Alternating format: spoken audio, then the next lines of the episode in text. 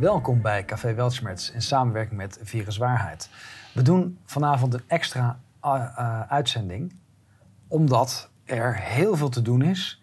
En we willen het voornamelijk hebben over de energiecrisis en misschien ook wel de uh, constitutionele crisis. het blijkt dat wij in alle rechtszaken gelijk hadden. Nou, dat is niet heel bijzonder, maar de Raad van State geeft het toe.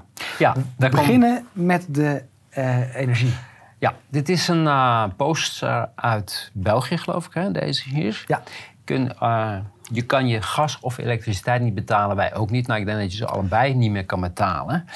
waar we het vandaag over gaan hebben is... Um... Hè, los van of je het kan betalen, mag je het nog wel betalen? Is het moreel te billijken?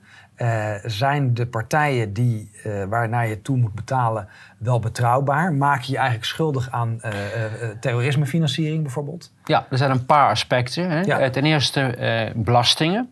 moeten we mee stoppen, denk ik, om te betalen. Want het is immoreel om nog belasting te betalen aan een overheid die het gebruikt om oorlog te voeren, om ongeteste spuiten in te kopen.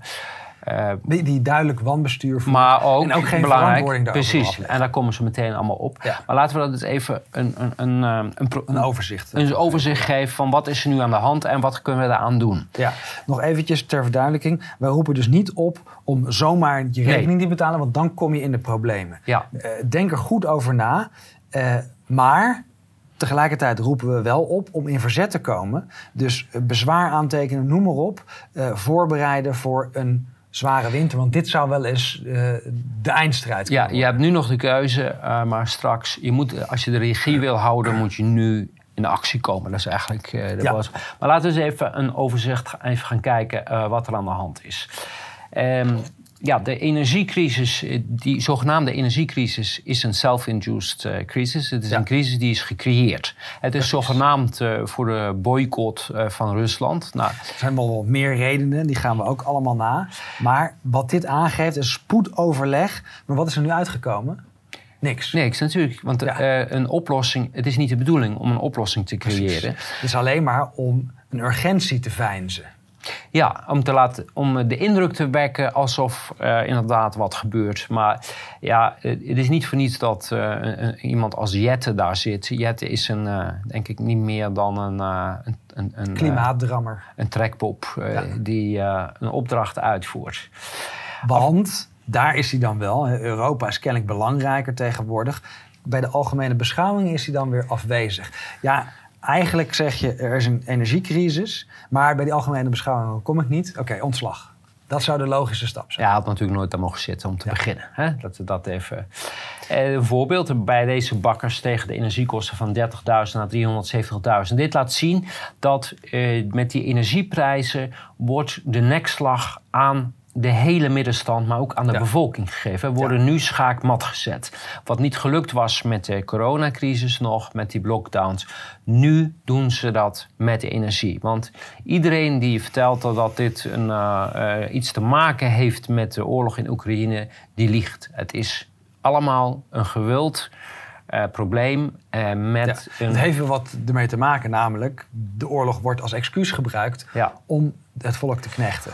Ja, Jasmijn, en David moeten huis uit door hoge energiekosten. Eh, Ja, en waarom halen we deze voorbeelden aan? De ene laat zien, eh, je kan je beroep niet meer uitoefenen. Je, kan geen, je hebt geen vruchtgebruik meer van je bedrijf.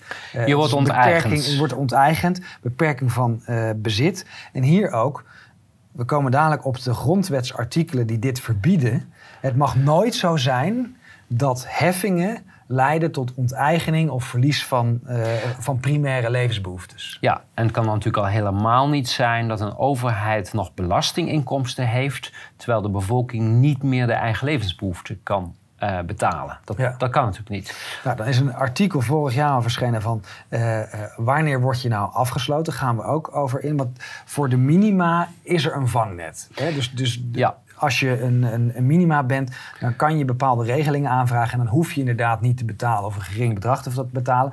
Dus dat raden we je sowieso aan als je nu al in de problemen zit. Maar we richten ons voornamelijk op de grote vraag, namelijk voor de middenstand, de mensen die het wel konden betalen, nu niet meer. Eh, wat is er aan de hand? Nou, Winia heeft ook een stuk over geschreven. De negen redenen waarom eh, eh, de gasprijzen en de Want- energieprijzen in Nederland veel duurder zijn of veel hoger zijn dan bijvoorbeeld België. Ja, en wij zitten hier op een van de grootste gasbellen ter wereld.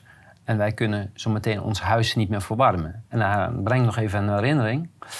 Ehm, destijds, toen we begonnen met de exploitatie van die gasbel, eh, is die infrastructuur in Nederland aangelegd. En toen is ons beloofd, ik meen onder Den Uyl, dat we gratis gas zouden hebben later. Nou ja, we zijn nu eh 40 jaar verder, denk ik. Iets meer dan 40 nog. En eh, het tegendeel is waar. We moeten zometeen eh in de kou de winter doorbrengen. En wat is het belangrijke punt ervan? Er is een andere keus mogelijk. Er is Ja, dus een subsidiariteit. Het is een politieke keuze Precies. om ons te laten creperen. Dat Ja. is wat deze mensen op dit moment doen. Ja. Dan kijken we naar de inflatie. En, en economie en energie die zijn één op één verbonden. Dat is een lineair verband. Eh, er is heel veel geld bijgedrukt. Waardoor je zeker wist, ergens zou die inflatie gaan voelen.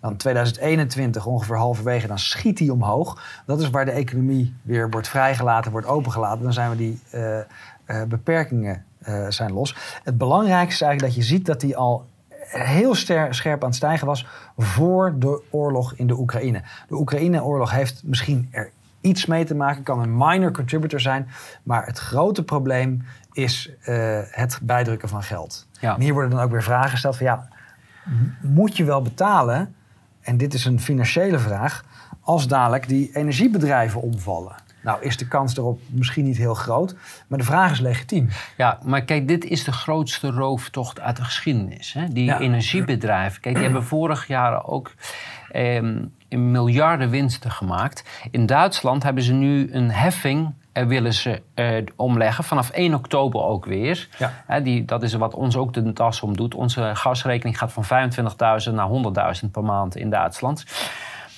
Ehm, eh, wat, wat ze doen is, ehm, we, we krijgen nu te maken met onbetaalbare energierekeningen. Ja. En de vraag is, moet je dat inderdaad, moet je dat nog aan betalen? Precies, want we komen daar dadelijk op uit. Juridisch gezien mag het niet. Als we nog even teruggaan naar de vorige slide. Ehm, een heel goed initiatief wordt hier geopperd. Zet in ieder geval je maandbedrag naar beneden, zodat je. En dan met, dat bedoel ik niet van je kan de rest zomaar betalen. Dus ik denk dat je ook eraan moet denken van laat ik maar kijken of ik minder kan verbruiken. Eh, hetgene dat je niet uitgeeft wel in een spaarpotje stoppen, zodat Ja. mocht het uiteindelijk fout gaan dat, eh, dat je het eh, kan opvangen. Maar het signaal is heel erg belangrijk van nee, we gaan niet meer betalen. Dit is namelijk niet ons probleem, het is niet door ons gecreëerd. Iemand anders is hiervoor verantwoordelijk, voor verantwoordelijk en zal het Ja. prijskaartje moeten betalen. Ja, ik was het daar net even kwijt. Wat ik net wou zeggen was die heffing die ze nu doen in Duitsland, eh, die ons eh, leegrooft. Die worden uitgedeeld aan energiebedrijven. En dat zijn energiebedrijven die vorige jaren miljarden winsten gemaakt hebben, dat uitgekeerd en nu moeten ze ineens geholpen worden. Maar het is steeds de bevolking die naar de kassa geboden wordt. Ja, Hè? En dit lijkt heel erg op dat mechanisme wat die grote banken hebben gedaan... samen met de verzekeringsmaatschappijen, met de subprime loans. Ja, en de, en de- privatiseren van Ja. winsten, socialiseren. eh, eh, hoe noem je dat? Privatize the gains, Ja, socialize ja. the losses. Precies, ja. Gasprijs knalt omlaag. Dat is een iets ouder... art- eh, Nee, dit is van twee of drie dagen geleden. Oh, ja. en, en dat geeft aan, hey, wat is nu aan de hand? Ook bij de pomp zie je dat het toch weer ietsje aan het kelderen is. Is er een twijfel bij het regime? Gaan we het wel redden? Het is een soort chicken race. En de bevolking gaat dit niet pikken. Dat Nou is ja, duidelijk. in Duitsland is gisteren de dieselprijzen... die zijn gisteren weer met 15 cent verhoogd... door een heffing vanuit de overheid. Dus in, eh, voorlopig in Duitsland stomen ze gewoon lekker door. In Duitsland wel, maar in de rest van de Europese landen betwijfel ik of dat de regeringen het aandurven. Nou, en dan is er nog een andere component. Als je in zo'n energiebedrijf zit, en nu krijgt Rusland de zwarte piet, maar dit zal eh, in die hele top gebeuren. Die is uit het raam van een ziekenhuis gevallen. Ja, dat gebeurt natuurlijk heel vaak. Dat ja. is, dat is climate een, eh, change. sudden. En, eh, dat is heel sudden. Onverwacht. Ja. Maar dat geeft al aan dat dit een hele smerige eh, business is. En dat als je uit de school klapt, eh, je wordt opgeruimd. Ja. Eh, en, en tegelijkertijd zien we dus dat wij moeten belasting betalen. Ze verdienen meer dan ooit aan onze energiebijdrages. Want de, de, daar komen we zo op dat elk, de energierekening bestaat voor meer dan de helft uit uh, belastingen. Ja. En waar wordt het dan door besteed? Ollongren die, die, die zet het om in wapens en stuurt het naar een conflictgebied. Ja, ik heb direct aangifte gedaan. En uh, sindsdien zeggen ze niet meer welke wapens ze sturen. Maar het is duidelijk, als je wapens naar een conflictgebied stuurt... dan overtreed je internationale wet. Hè? Dus de Arms Trade Treaty. Het probleem is, wij moeten betalen... dat is grotendeels belasting. Van het belastinggeld wordt er een oorlog in stand gehouden. En ondertussen, om die oorlog in stand te houden en de tegenstander te raken, moeten er zogenaamd boycotts worden, worden geheven, waarmee onze gasprijs omhoog gaat en wij weer meer betalen. En dit is een visieuze cirkel waar kijken, wij niet uit kunnen komen. En die boycott, hè, dat, wat ja. direct, dit zou het directe gevolg zijn van die boycott. Maar Precies. die boycott is bedoeld om Rusland te treffen. Maar wat blijkt nu? Eh, Gazprom, het uh, gasbedrijf van Rusland, die hebben nog nooit zoveel winst gemaakt. Nee, dus het laat zien waarvoor we het zouden doen, lukt in ieder geval niet. Of je het er nou mee eens bent of niet, het dus is ineffectief. Dus de politieke keuze die nu gemaakt wordt, is misdadig. He, daar kunnen ja. we geen ander woord voor hebben. Nee. En daarom mag je... zorgen met het geld dat we naar Oekraïne sturen... en het geld dat we naar Rusland sturen... dat die oorlog van beide kanten langer door kan gaan. Ja, en ondertussen uh, is, is de enige die eronder lijden onder die boycott... het is een boycott tegen onszelf. En Ja. daarmee pleegt dit, dit, eh, dit regime, hè, ons regime hier Ja, in Nederland... pleegt ja. We komen bij Shell, 18 miljard dollar in een kwartaal. Hè. Dat is, eh, als we het even doorrekenen, dan kom je op zo'n 80 miljard winst in een jaar. Terwijl de bevolking crepeert. Die, Ja, dus nu zien we de spelers. Rusland verdient geld. Oekraïne verdient geld. De staat verdient geld. De multinationals verdienen Kijk. geld. En de burger en het MKB betalen. Want Shell, ook Koningshuis is ook groot aandeelhouder, geloof ik, bij Shell. Die vreten zich eh, vet op kosten van de ellende van de bevolking Ja. op dit moment. En de Zou vraag natuurlijk is... een keuze kunnen zijn van Shell vrijwillig om te zeggen... dit is onethisch, hier willen wij geen geld Nou, eh, verdienen? het is onethisch. Hè? Je kan zeggen van, nou weet je wat, als wij 4 miljard winst maken in een kwartaal, is dat meer dan zat. Wij gaan de prijzen niet verhogen. Maar daar hoor je dus niemand over. Hè? Ook eh, eh, bij de beleidsmakers, die optie wordt helemaal niet geopperd. Van, laten Ja. we Shell nou eens een bijdrage vragen. Je zou het ook kunnen nationaliseren. Bijvoorbeeld. Want het is een nutsvoorziening. Ja, en, dat is, en daar raak je eigenlijk de kern. Energievoorziening had nooit geprivatiseerd mogen Ja. worden. Hetzelfde als met waters. Dat zijn Ik weet nog eerst- zo goed, dit is in Paars gebeurd onder D66. Dit zijn eerste levensbehoeftes. Ja. Daar mag niet mee De gespeculeerd worden. liberalisering van Ja. de energiemarkt. Ja. Precies. Had nooit mogen Nee. gebeuren. En dan kijken we, wie verdient er nou het meest aan? Dat is de overheid die ons onder... Verreweg het meeste. Hè? Ja. Het is eh, twee derde van wat je betaalt aan de energierekening is belasting. En dan zou je denken, als miljoenen mensen nu hun bedrijf moeten gaan sluiten... eh, miljoenen mensen zometeen hun eh, verwarming niet meer kunnen betalen... dat eerste wat je doet als overheid, we halen die belastingen weg. Maar daar is een motie over geweest. En eh, daar heb- heeft eh, het kartel tegengestemd gezamenlijk. Hè? Ja. Inclusief PvdA Precies. en GroenLinks. Ja. Dus men wil dat jij leidt. Men wil dat jij te gronden het is gaat. absoluut. Bij COVID was er nog de discussie: is dit door de maatregelen? Nou, die, inmiddels is dat duidelijk. Maar hier is het heel duidelijk door de maatregelen. Er is Ja. geen enkele andere. Het bijdrukken Ja. van geld, het niet af willen nemen van goedkope energie, het wegsturen van, Ja. van geld naar Oekraïne en het belasting heffen op onze primaire Precies. Dus dat betekent, je eigen overheid geeft jou op dit moment een nekslag. In plaats van de plichten eh, vervullen die zij zouden moeten doen. Nou, dat is in de eerste plaats is dit een inbreuk op het eigendomsrecht. Want door al die heffingen en die excessieve eh, prijzen. eh, Word jij onteigend? Dat is het gevolg. Eh, als jij eh, je rekening niet meer kan betalen, dan, eh, of als je je bakkerij niet meer kan gebruiken omdat de energie te duur is, of je glastuinbouw zit, dat jij moet stoppen, Ja. dan is dat een aantasting van je eigendomsrecht. En ehm, de, het Europese Hof voor de Rechten van de Mens die heeft bepaald dat als belastingen zo hoog worden.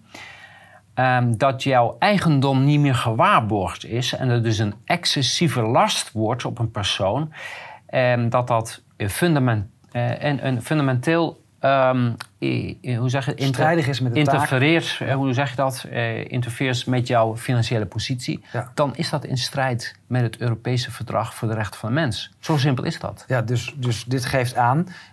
regeringen mogen in dit soort gevallen geen woekerwinsten maken. Nee, Ze mogen geen nee. belasting heffen. Nee.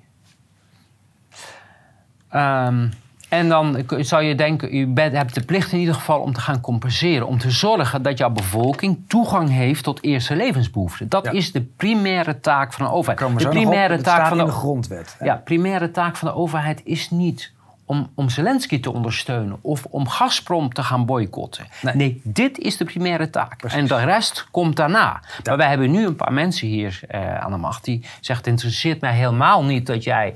eh, Beerbok zegt het letterlijk in Ja. Duitsland. Hè? die zegt: Maakt helemaal niet uit. Eh, Oekraïne gaat voor. En hoe het met jullie gaat, interesseert mij helemaal niet. Dit, dit zijn politici die zijn voor zichzelf die, eh, begonnen. Hè. Die, Ja. die zijn niet meer bezig met. Ja, en, en wat dat laat zien, dat 2023, er zit dus een gat van drie maanden waarin iedereen de hoofdprijs gaat betalen. Ja. Als je dat betaalt, ben je waarschijnlijk Failliet. business. Ja. En dan hebben wij, in de, wat ik net al zei, in Groningen een van de grootste gasbellen ter wereld. En kijk, en ik heb de, dat wat gebeurd is in Groningen met die Groningers, in een ander perspectief zie ik dat nu. Kijk, die Groningers hebben heel veel schade geleden door die gaswinning. Maar het is als overheid heel goed mogelijk om hun te compenseren. En ook op een andere manier te winnen. Dus er zijn allerlei manieren. Als je hun compenseert, hoor je ze niet meer. Maar nu begrijp ik, het is expres niet gebeurd om te kunnen verantwoorden. Om te zeggen, ja, maar we kunnen de gaskraan niet opendraaien. Want Groningen, kijk eens naar de schade. Het is bewust geëscaleerd in Groningen. De overheid had gelijk met hun om tafel moeten zitten. Ruimschoots compenseren. Maar er is niks gebeurd. En dat is bewust gedaan. Ja. Om deze en zaak- ook weer strijdig met bepaalde artikelen uit de grondwet die we dadelijk eh, naar voren brengen. Ehm, wat is dit nou als Shell 40 miljard... eh, hoeveel... eh, mil- eh, eh, in- 18 miljard, 18 in, in- miljard in één een- kwartaal. in één kwartaal verdient. Eh, kijk, we hebben het hier over eerste levensbehoeftes. Dat betekent, je bent verplicht, je bent gedwongen het te kopen. Want als je niet koopt, dan kan je niet meer je leven voortzetten, bij wijze van Ja. spreken. Ehm, en als jij dan een Shell hebt die zegt, ja, je mag het wel hebben... maar ik, ver- ik verhoog de prijs gewoon 10 keer of 20 keer... dan is dat misbruik van omstandigheden. Hè, dan hebben we in de Nederlandse wet artikel 344 BW. Als jij zo'n contract gedwongen bent met jouw le- energieleverancier... een contract tegen een woekerprijs... want we hebben het hier over woekeraars... Hè, dit zijn zo'n eh, onredelijke winsten ten koste van de ander... die in nood Gebaseerd op politieke besluiten waar wij geen invloed in hebben. Er is sprake van misbruik van omstandigheden wanneer iemand die weet of moet begrijpen dat een ander door een bijzondere omstandigheden, zoals een noodtoestand, nou, dit is een noodtoestand eh, voor de burger, afhank, door afhankelijkheid, eh, dit- dat, is degene, dat is wat hier eh, speelt, afhankelijkheid. Je Ja. bent ervan afhankelijk. Ehm, en dan word je bewogen toch om die rechtshandeling te doen. Dat is namelijk die overeenkomst te sluiten tegen die excessieve prijzen. Dan is dat eh vernietigbaar. Dus je hoeft dan in principe niet te betalen. Je zegt, joh, dit is niet redelijk, jullie verdienen zoveel... en ik, eh, mijn bedrijf gaat kapot voor een le eerste levensbehoefte. Hetzelfde als jij in het water ligt. Ik heb hier een reddingsboei. Ik wil hem wel toegooien, maar eh, dat ko- kost je wel 5000 euro. Hè? Dat mag dus dat, niet. dat mag niet. Nee, Nee. ik, ik kan me nog herinneren, Dance Valley 2001. Er brak nood weer uit. Ik was, was net weg daar. Eh, maar heel veel mensen konden niet meer wegkomen. En toen begonnen taxis 200, 300 euro te vragen voor dat ritje. En waren eigenlijk aan het profiteren van de ramp van Ja. mensen. En daar zijn ze toen flink op aangesproken. maar- Dit is vergelijkbaar. Dat is zeker vergelijkbaar. Want over de rug van een bevolking die echt in een noodsituatie komt te verkeren, worden dit soort megawinsten eh, gemaakt. Ja. En, eh, Dus het is moreel laakbaar. Maar Ja. als je En- dus niet betaalt om de juiste redenen... heb je de wet achter je staan. en let op, hè, opzettelijk gecreëerd door onze Precies. eigen overheid. Dat Ja. natuurlijk gewoon een regime is. Want daar kunnen we Ja. nu eh, geen twijfel meer over hebben. En dan tegelijkertijd hebben we een overheid die, die dat geld afdwingt. Hè? Want ze sturen, eh, als jij niet betaalt, eh, ze zijn in staat om gewapende mensen te sturen om het op te halen. hè, Want dat is eigenlijk belastingheffing. Ja. Dan zie je dat ze gewoon 15 miljard niet verantwoord hebben. Dus als de volgende keer de belasting komt, dan Waarvan joh, we weten dat ze niet verantwoord hebben. Hè? Ja, Er is waarschijnlijk nog veel en En veel de meer. rest van die 200 miljard die is verkeerd geïnvesteerd. Precies. En dan zou jij, eh, hè, die dat met hard werken bij elkaar ges- eh, eh, sprokkelt, moet jij dat afgeven aan een regime wat op deze manier geld verkwist. Je hebt geen plicht meer dan om belasting te betalen. Ik zeg niet hè, dat je het je helpt als ze komen om te zeggen: ja, ik heb geen plicht meer. Want je hebt, dan merk je pas wat het echte gezicht is van die vriendelijke overheid. Want dan komen ze het halen. Maar kijk, ik, ik blijf het herhalen: de tijd van gratuit verzet is voorbij. Iedereen gaat schade oplopen. En je moet er rekening mee houden dat je misschien zelfs alles gaat verliezen. Maar hoe langer je wacht, nu heb je nog een keuze om je te verzetten. Jij zit straks in die fuik en dan kan je er niet meer aan onttrekken. Dus mensen moeten zich nu serieus gaan overwegen. Wat ga, ga ik nu? Hè? Ik, ik grijp mijn moed bij elkaar en ik ga gewoon eh, tegengas geven. Ik doe niet meer mee, ik betaal niet meer mee. Of je zit in die fuik en dan later is je schade veel groter. Als je maar denkt, nou, ik pas me maar weer aan. eh, later heb je die keuze niet meer. Ik vind het een prachtige woordspeling. Tegengas. Ja, precies. Ja. En dan kijken we naar Zelensky. Daar doen we het in, to- toch allemaal voor. Nou, de heilige Zelensky. een boycott van Rusland. Hij verhuurt zijn villa in Italië gewoon aan Russen voor 50.000 euro per maand. Terwijl we, jij en ik hier. Eh, voor, oh, we moeten Oekraïne ondersteunen, want eh, de democratie gaat oorlog, ver- ja. eh, verloren. Ja, nou, Nee, het is een farce. Ja. Het is immoreel. En het is dus ook wettelijk heel goed te onderbouwen om niet meer te betalen. Omdat alles wat hun verplichting is, hebben ze verkwanseld en zijn ze niet. En dan komen we bij de grondwet. En al deze mensen, dit hele regime, die schendt de grondwet echt werkelijk tot op het hart. Want dit is een kernopdracht van onze overheid. De bestaanszekerheid van de bevolking en de spreiding van de welvaart zijn voorwerp van zorg van de overheid. Zij moeten zich inspannen om te zorgen dat jouw bestaanszekerheid. Zij moeten zich niet inspannen om eh, Oekraïne te redden. Nee, ze moeten zich inspannen voor jou. Precies, en dat staat hier eigenlijk ook in lid 3. Hè? Dat, dat gaat erover de Nederlanders hier te landen, die moeten worden geholpen. Het gaat echt over de eh, verplichting aan de regering aan de overheid eh, vanuit de grondwet dat er voor huizen moet worden gezorgd, voor een bestaansminimum wordt gezorgd, et cetera. En een huis, en dat, dat is dan misschien een beetje een abstract begrip, maar een huis dat niet verwarmd is, is onbewoonbaar. Ja. Dus daar zit automatisch een Dan, heb je, dan faal je. Precies. En je kan geen politieke beslissingen nemen die dat op het spel zetten. Precies. Kan en mag niet. Op dat moment ben jij Want dan strafbaar. creëer je een ramp. Deze mensen horen, ja, die horen voor een tribunaal voor wat ze op dit Absoluut. moment doen. Absoluut. En dan komen we bij de meest saillante misschien wel, artikel 22. Constant wordt deze eh, aangehaald om, Om die de positieve verplichting die- voor de spuiten en de maatregelen, et cetera. Maar als je deze leest, tegenovergesteld is waar. Al deze maatregelen die mogen juist niet de volksgezondheid in gevaar brengen. En let op, eh, armoede, En kou, dat zijn de twee grootste vijanden van de gezondheid. Ja. Dus je kan je wel vol laten spuiten met, met vaccinatie of injecties of hoe ze, hè, wat, wat het die ook zullen is. je niet warm houden. Die houden je niet warm en die zorgen ook niet voor je gezondheid als jij geen dak boven je hoofd hebt en je- als jij je eerste levensbehoeftes niet meer kan betalen, dan is er ook geen sprake van gezondheid. Ja.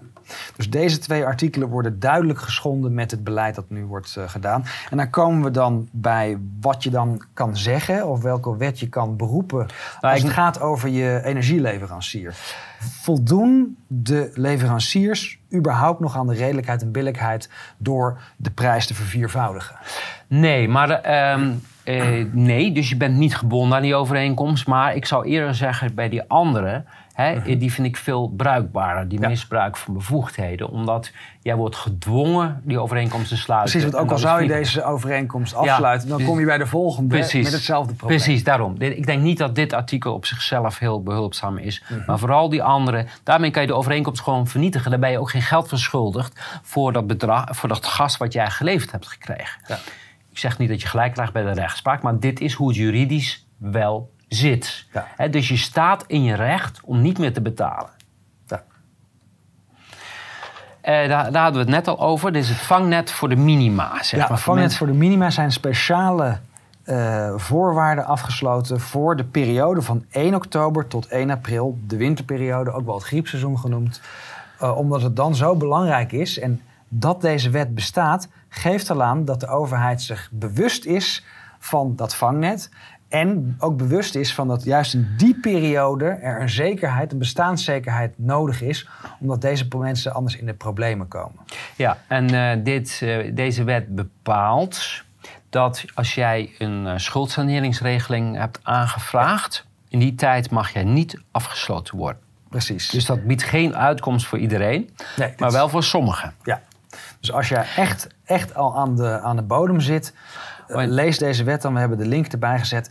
Dan kan jij via die schuldsanering uh, om bevriezing vragen. Ja, en je moet zien dat je de winter in ieder geval tot eind maart ja. doorkomt. Dat, is het, dat moet het doel zijn van ja. alles wat je gaat doen komende Precies. tijd.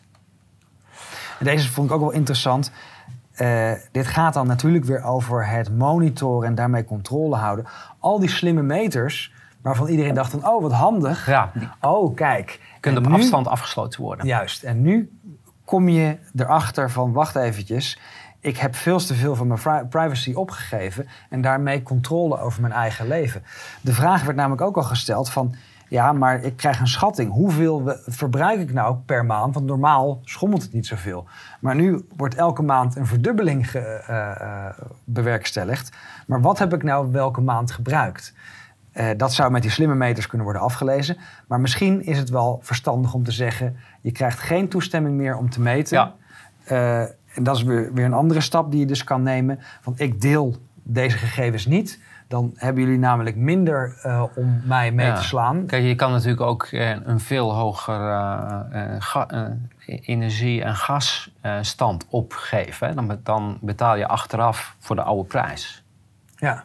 Toch? Of zie ik het fout? Nou ja, dat, dat soort ja. uh, creatieve oplossingen zullen we zien. Ja. Dan gaan we naar het tweede onderwerp. Ja, dit is, uh, en sluiten we even, even samenvattend. Uh, kijk, we moeten een massa krijgen. Ja. En dit soort burgerlijke ongehoorzaamheid, hè, we hebben burgerlijke ongehoorzaamheid nodig, massale burgerlijke ongehoorzaamheid, om dit regime te stoppen. Ja. Maar wel geweldloos. En hoe doe je dat? Eh, manieren vinden om te stoppen met belasting betalen en stoppen met energie te betalen.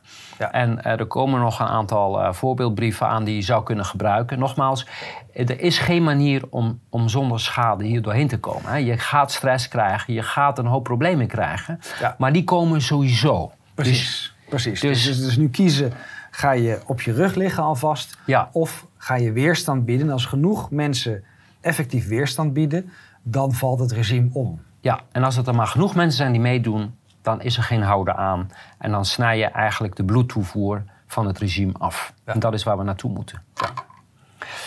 Komen we bij de Raad van State. Die heeft eh, afgelopen week een eh, advies gepubliceerd. Nou, het is al eh, flink in de alternatieve media geweest.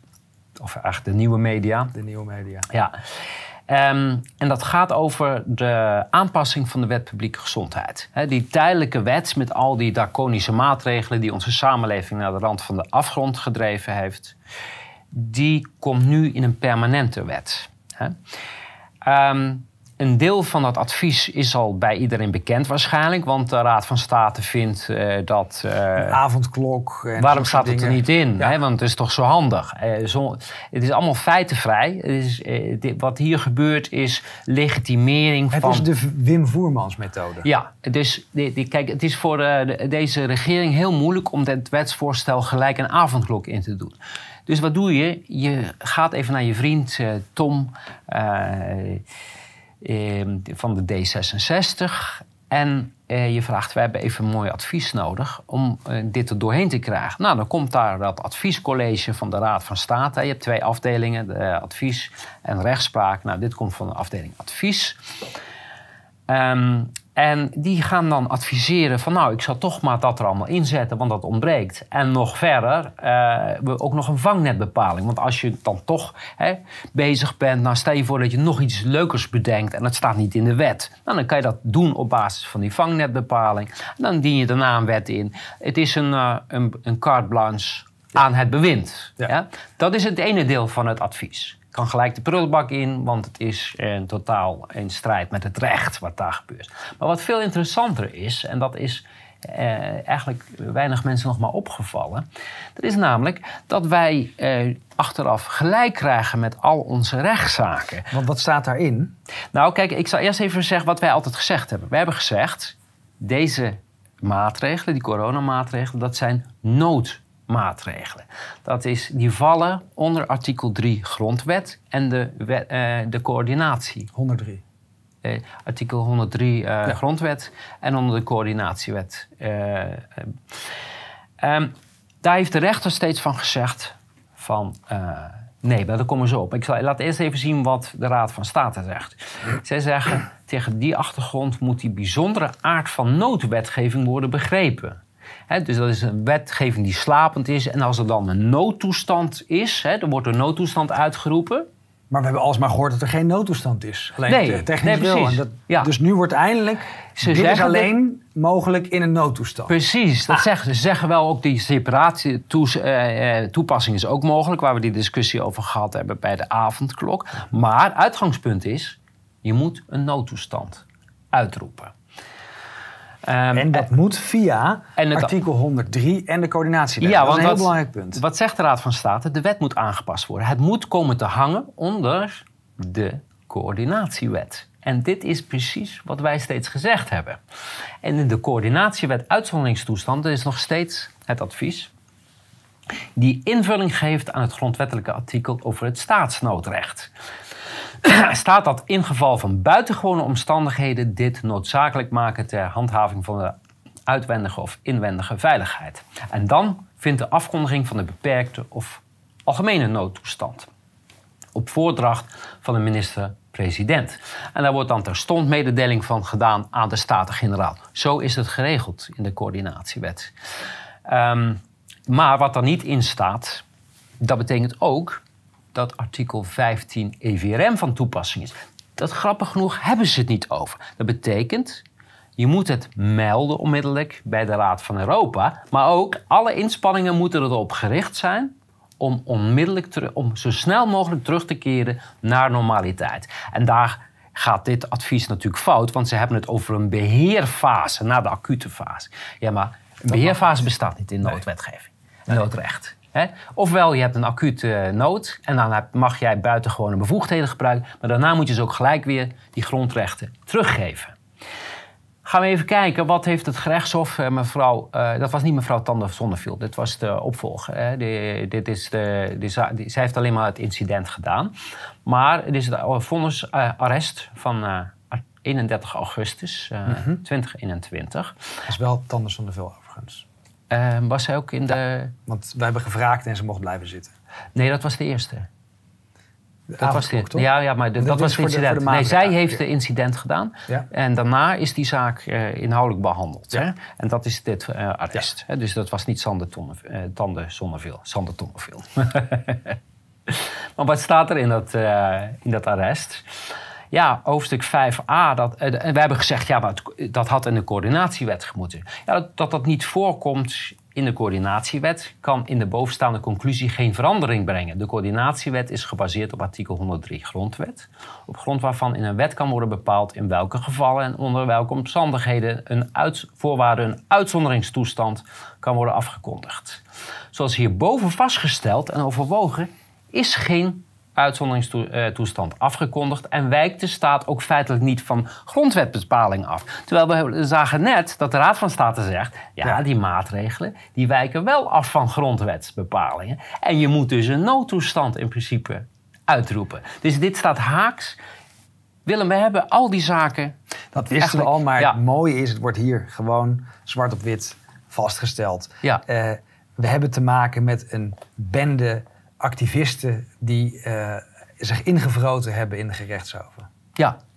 Ja, dit, ik, dus ik vond dat wel belangrijk om dat eh, even te laten zien. Wat, eh, want het lijkt dan zo'n onschuldig advies. Maar het laat zien, ze proberen ehm, het Een legitimering te vinden ja, die er niet is. Ze proberen daar te laveren, maar het is of of je bent zwanger of je bent niet zwanger. Je kan niet een beetje zwanger zijn. Ja. En dat betekent, als het noodwetgeving is, moet je ook alle criteria van artikel 15 eh, volgen. En dat betekent, er moet op basis van feitelijke omstandigheden geoordeeld worden of er een noodtoestand is. En niet op basis van testresultaten bijvoorbeeld. Of op basis van een modellering van het RIVM. Die zegt, nou, er bestaat een risico eh, dat dit een potentieel heeft om een pandemie te worden. Dat kan geen reden zijn voor. Alleen maar voor een postbus 51 spotje. Heel interessant. Er komt een bodemzaak aan voor de QR-code. Ja. Eh, er komt ook nog een bodemzaak aan voor de maatregelen. Dit is heel Dit is behulpzaam. natuurlijk eh koren op de molen. Absoluut. Want dit kan je direct in de rechtszaal gebruiken. Daar kan geen twijfel meer over bestaan. Ja. Dus eh, Dus komt die coronawet er überhaupt nog door? natuurlijk komt hij erdoor. Want we hebben een kamer vol met, eh, hoe noem je dat netjes? Landverraders. klapvee. eh, je, je kan er al benamingen aangeven. Maar het heeft niks te maken met volksvertegenwoordiging. Ehm, dus die wet gaat er doorheen komen. Maar het is wel belangrijk dat iedereen begrijpt wat hier aan de hand is. Dus, nou, ik denk dat dat... Dankjewel. ja, Werk ook. Tot de volgende keer. Tot de volgende. Ja.